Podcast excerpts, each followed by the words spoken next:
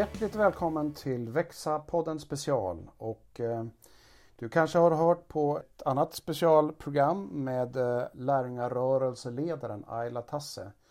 Och eh, nu är det dags att återkomma igen till något av det som han berörde men som vi inte hann återkomma till. Och eftersom han inte kan svenska så tar vi det här på engelska. Hoppas att det är okej. Okay. Welcome Ayla Tasse to another uh, Växa-podden special. Thank you. Ayla, you are from Kenya and you have now been a few days in Sweden visiting, uh, right. looking around. What what what is your what is your feeling about Sweden and Norway, which you have been a few days this time? Well, I have a appreciation for what I've seen. One, it's the beautiful sceneries and the creation of God, the rivers, the mountains, the snows. Just beautiful. God is God of variety. Where I come from, I wouldn't see those things. So that is uh, thankful. Um, the other thing is also the history of the countries, how old the country is, uh, what so many people have done, uh, the presence of Christianity, and the years that it was, and what it is now, um, as well as the, prog- the, the progress of the nations, mm. how much nations have progressed. Um, pre, you know, environment kept, uh, yeah, order. So those are really great. I appreciate this for for the, in these two countries that I've seen. You have you have a, a specific relationship in one sense with Norway, because you told me the other day that when you were a boy, you were listening to stories of a Norwegian lady. Tell us about it. Well, um, as a Muslim boy, uh, I was young and uh, in a small village in northern Kenya. Um, maybe I was as young as probably seven or eight there, going to the elementary school. Um, and Norwegian missionaries came and started a mission uh, station close by, not very far, maybe about 10 minutes. But there's an, an elderly woman who would come every Wednesday in the evening uh, to my village. And uh, when around the time we come home from school, her name is Solveig and so Solveig will sit there with these storybooks to tell us about the stories of God, about Jesus, even to these, you know, young Muslim kids. And so uh, probably I trace back my journey of it probably from that point when for the first time I started hearing about Jesus. I can't remember making any commitments, uh, but at least I still remember one song that Solveig taught me.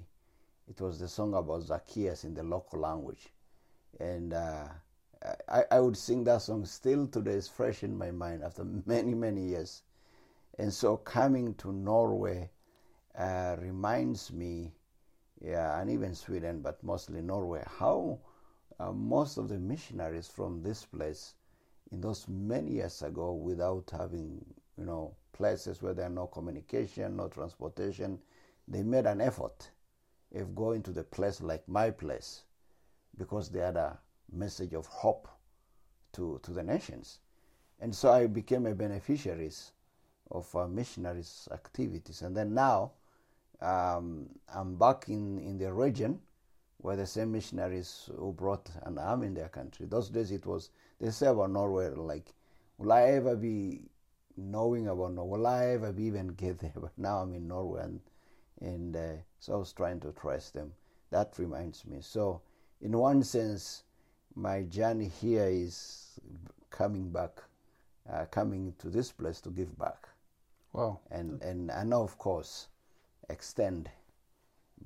Just seeing that um, how God can use people in the field to bring back the same. You never know any seed of the gospel you plant in kids can ever germinate and grow to what and you have you have tried to trace this woman and you're yet to try to get hold of her well i haven't but i have a number uh, of one of the family uh, that they were there at the same time. So I haven't talked to her probably tonight. I'll try to get this hold of this guy. There was a kid that grew up in the same village, happened to marry a Norwegian girl somewhere, and moved here. And uh, I had an opportunity to talk with him the other day, and uh, he lives in the middle of Norway. And so he told me that uh, uh, the guy, the, that missionary, he must be elderly now, came to visit him uh, several months ago, uh, the one who was in our area.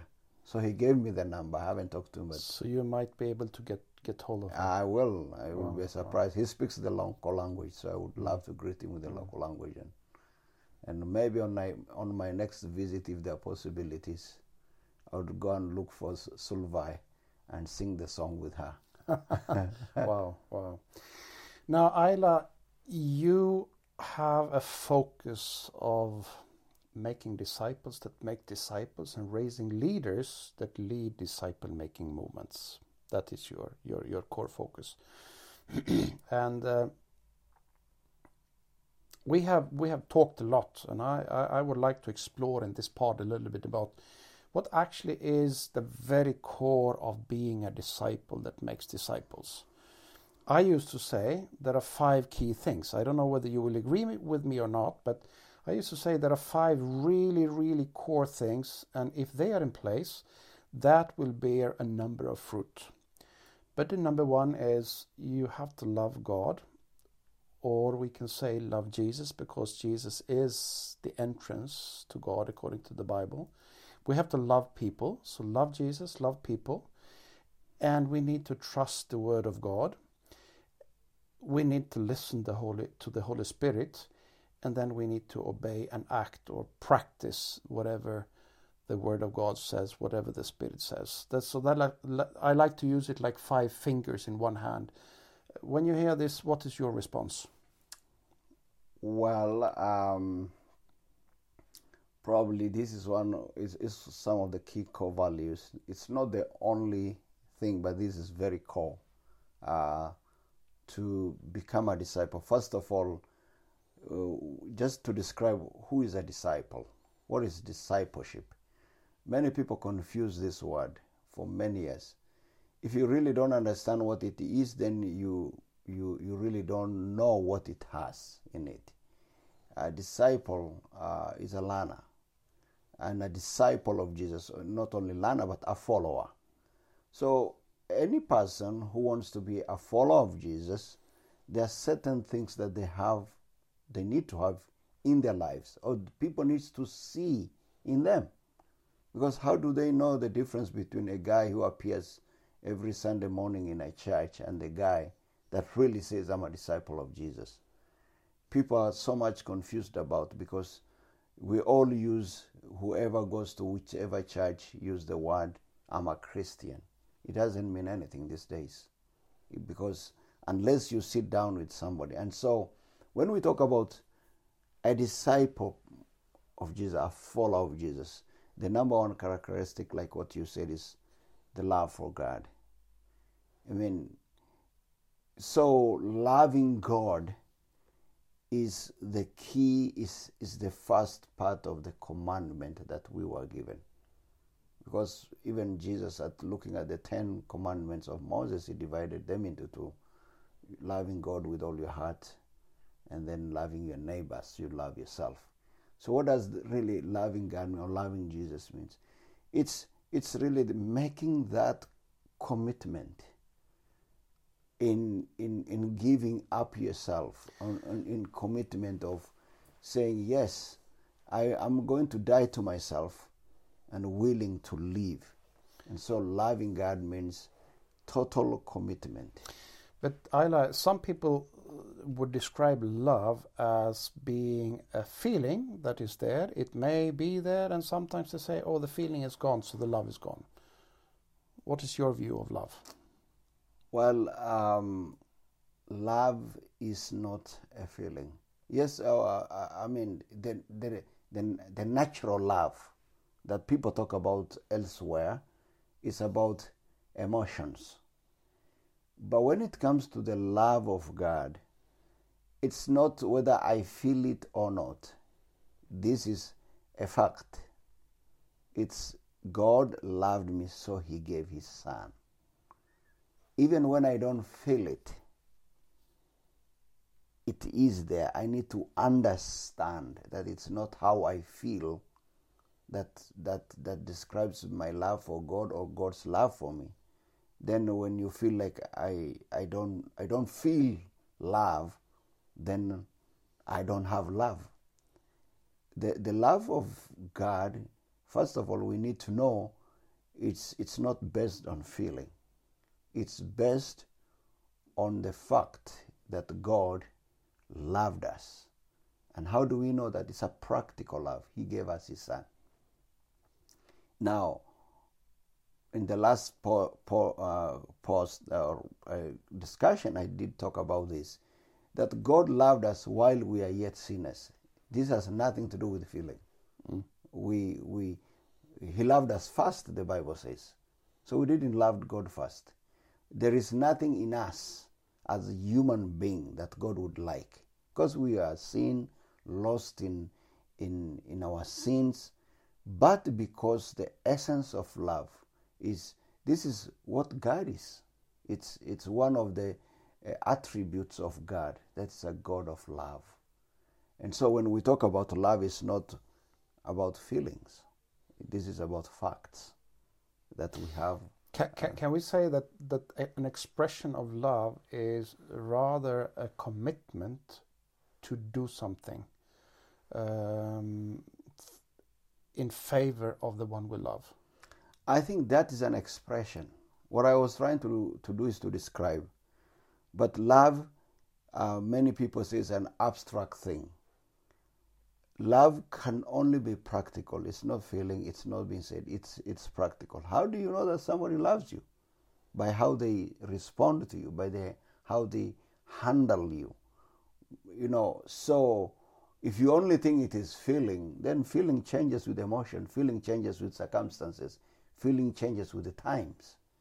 But when we talk about God's love, now the expression of that love is how. Now we do it. How. Mm. Then the how of love explain love. Mm. Because again, love is you cannot describe it, but the so, how explain. So, so if you would if you would describe then what are the key things, what are the hows of a real disciple that makes disciples? What is the how of such a uh, such a disciple in expression of, of, of loving God and loving people? Well, uh, one of the, the, you know, Jesus said, "If you love me, um, uh, you know, you will obey my commands." He said, "If you love me." The the question there is, to show that you love me, you do what I tell you to do. It boils back. It goes back again, obeying, in doing. Mm-hmm. Now, obedience in this sense, it's really uh, uh, obedience is about giving up your will to His will. When you look at Jesus, you know, in the Garden of Gethsemane, the last hour, Jesus prayed a prayer. And this is a prayer, and, and the, he prayed and said, Father, if it's your will, you know, no, he said, take off, take away this cup, but only if it's your will. You see, Jesus in a human form didn't probably wanted to go through the pains. He knows what is waiting for him. The cross is waiting. He's just about to go to the cross. But again, not my will, but yours. And so when we love God and we talk about love is how how can we submit? Obedience is submit to him. Mm. Now, now, Ayla, uh, in Scandinavia, people don't love, they don't like that word obedience or obey. They feel that some, some part of their freedom is lost when someone says you have to obey. Uh, what is your understanding of that obedience? Well, uh, probably uh, one, uh, obey is a scriptural word. So if, to, if I'm talking to a believer, I don't know how to change that word. It's an English word at the same time, it's in the scripture. That's how it's written. But obedience is, uh, to me, is how you can surrender your will to the will of the one who is who is higher than you. Um, it's it's really doing it out of love. So it's your it's choice. Not, yes, it's not being forced on. It's not like a law. It's some, because you love him, you make a choice to to surrender your will and do it out, out of your choice. Now, God spoke to the children of Israel in, in Deuteronomy 6. And uh, uh, obviously, when He gave the laws and all these things, they are always the word that is being used if you obey. In this case, even at that point, God did not force them. In Matthew 20, uh, Deuteronomy 28, you always see, see that. If you obey, that means God is saying, I am giving you a choice. Mm. So, love is how we choose because both has consequences. You choose to love God by doing what God says, it's a blessing. You choose not to do it, there is consequences to it. So the biblical love is not really something that you are forced on or things that are being taken away from by understanding the instruction, by understanding God Himself, you make this choice of wanting to submit, not because you are forced, it's because you are willing to submit. That's what obedience is biblically. Mm, very interesting.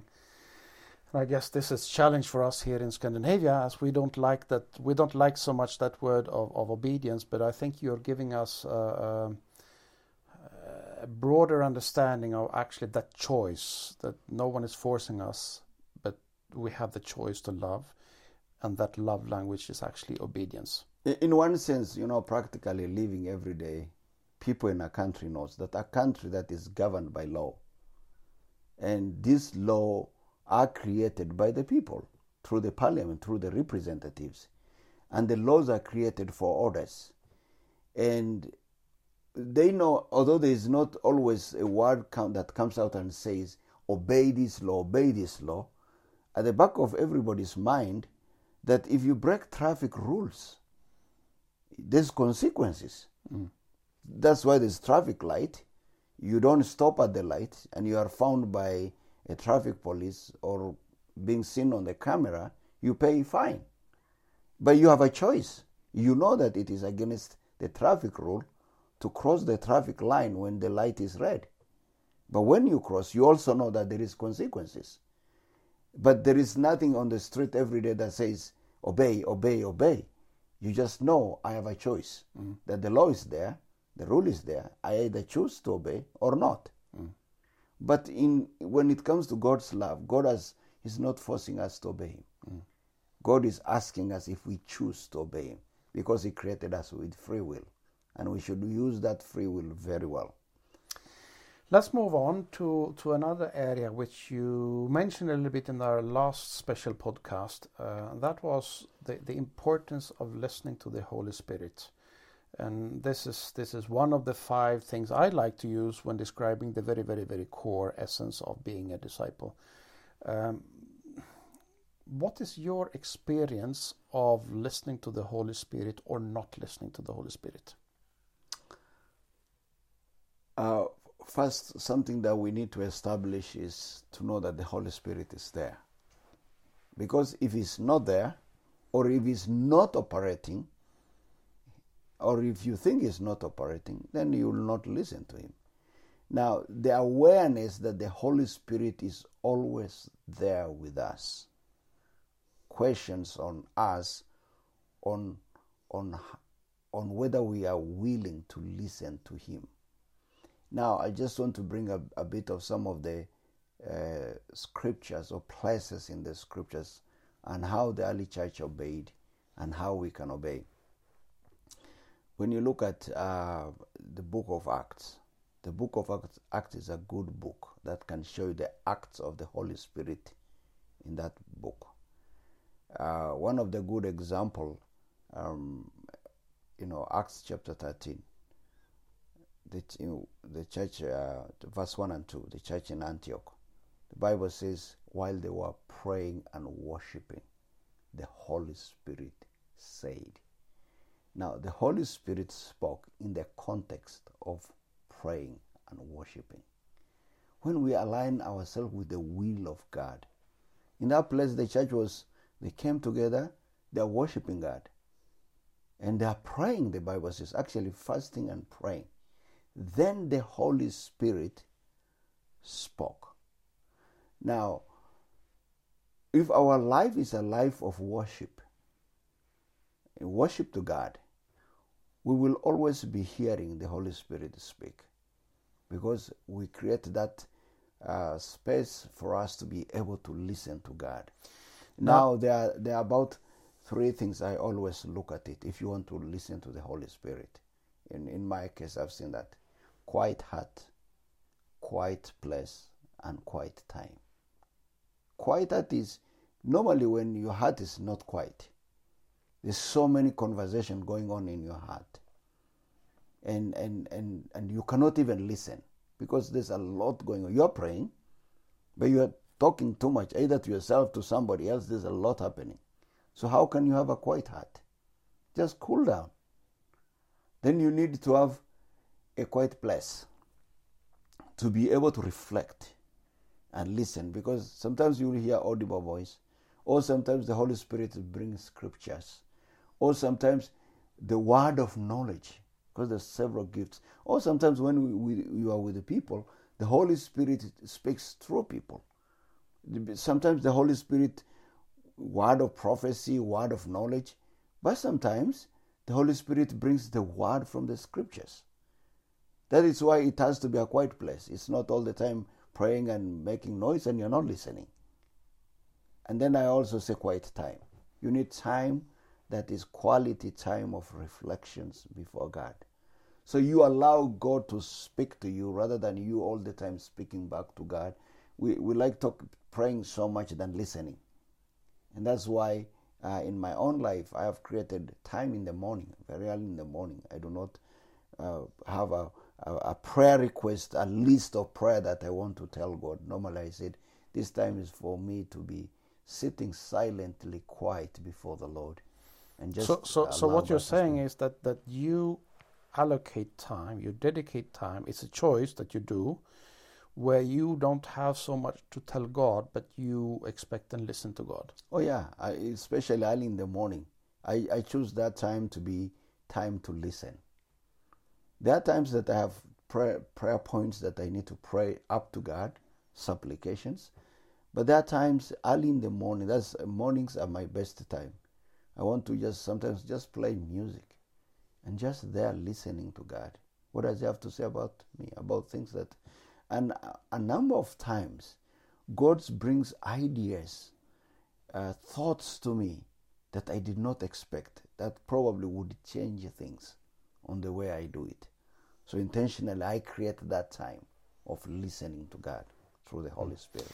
So there's this one aspect of listening to the Holy Spirit and, and also being able to discern is this really the Holy Spirit? So, how do you discern this is really the Holy Spirit, or is this just some thoughts that came to my mind? Well, uh, one of the things you have to know that Spirit always, and it is scriptural, it says, um, uh, Holy Spirit, uh, the spirit of the prophet is subject to the prophet. I mean, it's also in line with the scriptures.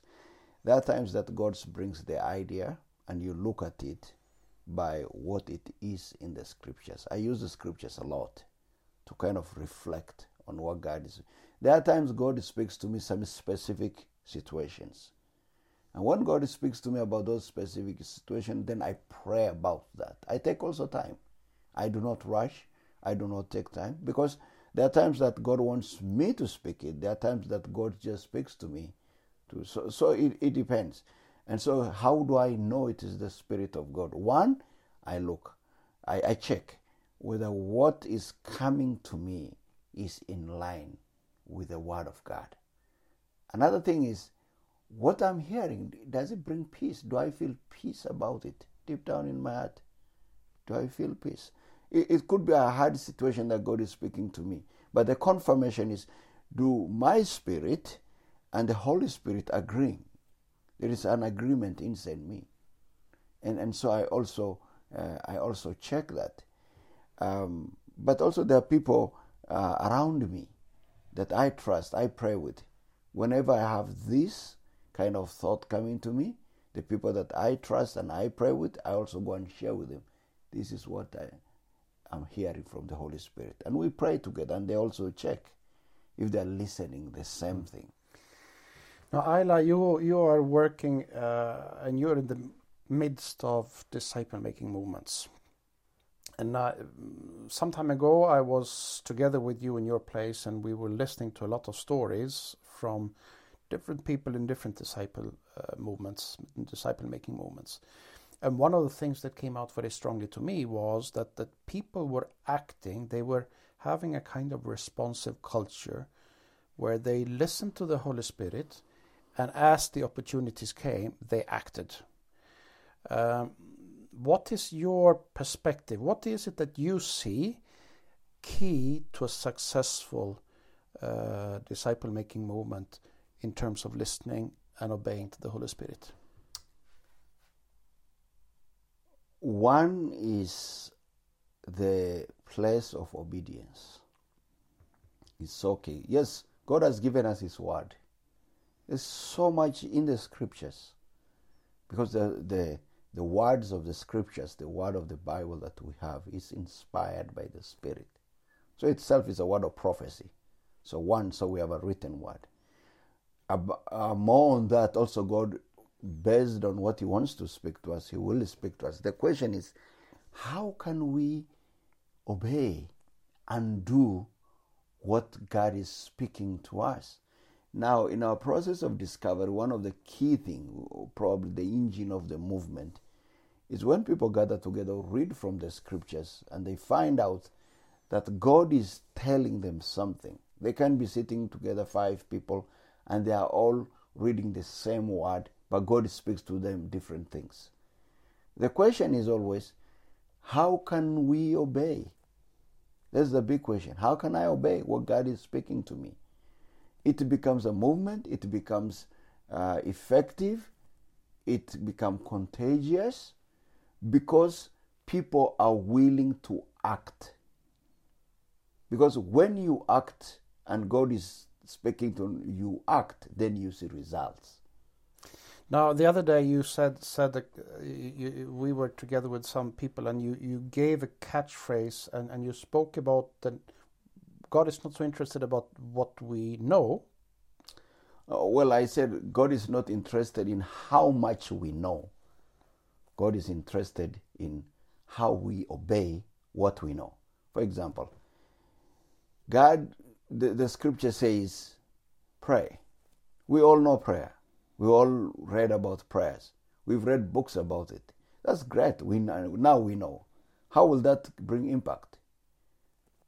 If the Bible says pray, it will be impactful when you pray.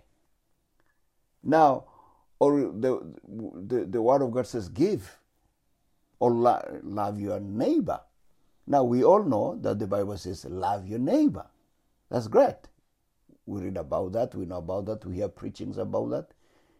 Knowing doesn't make a difference if you don't obey.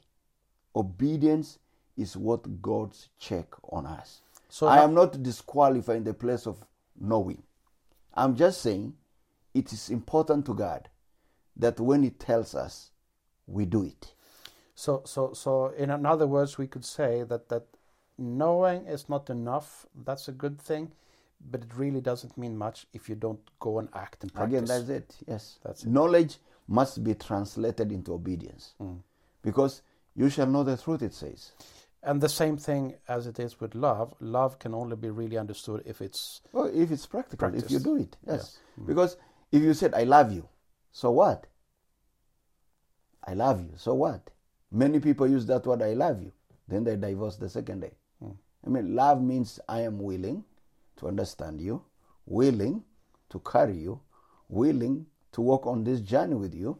Even if it is painful, I am willing so that we can work it out. Mm. That's why, because many people understand the language of love in this world, it's emotion. So they said, love has came to an end because I don't feel what I feel about you when we get married.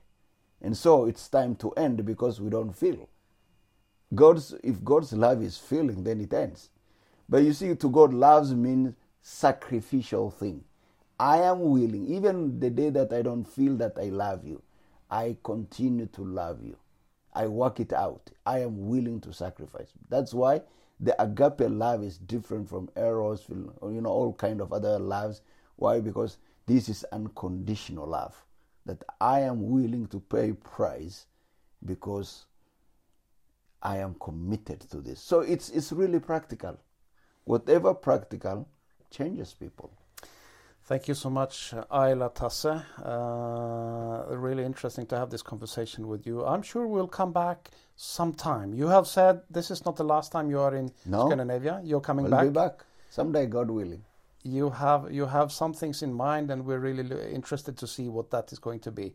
But for now, thank you so much. Thank and you. again, this is Växa-podden. If you wanna give feedback, go into pingst.se Karlstad.pingst.se and you will find the contact to Svante Hector and you can give some feedback uh, and I will pass it on to, to Mr. Ayla as well. Right. Thank you. Thank you. Keep going on, leaders, disciples, practicing, loving through action.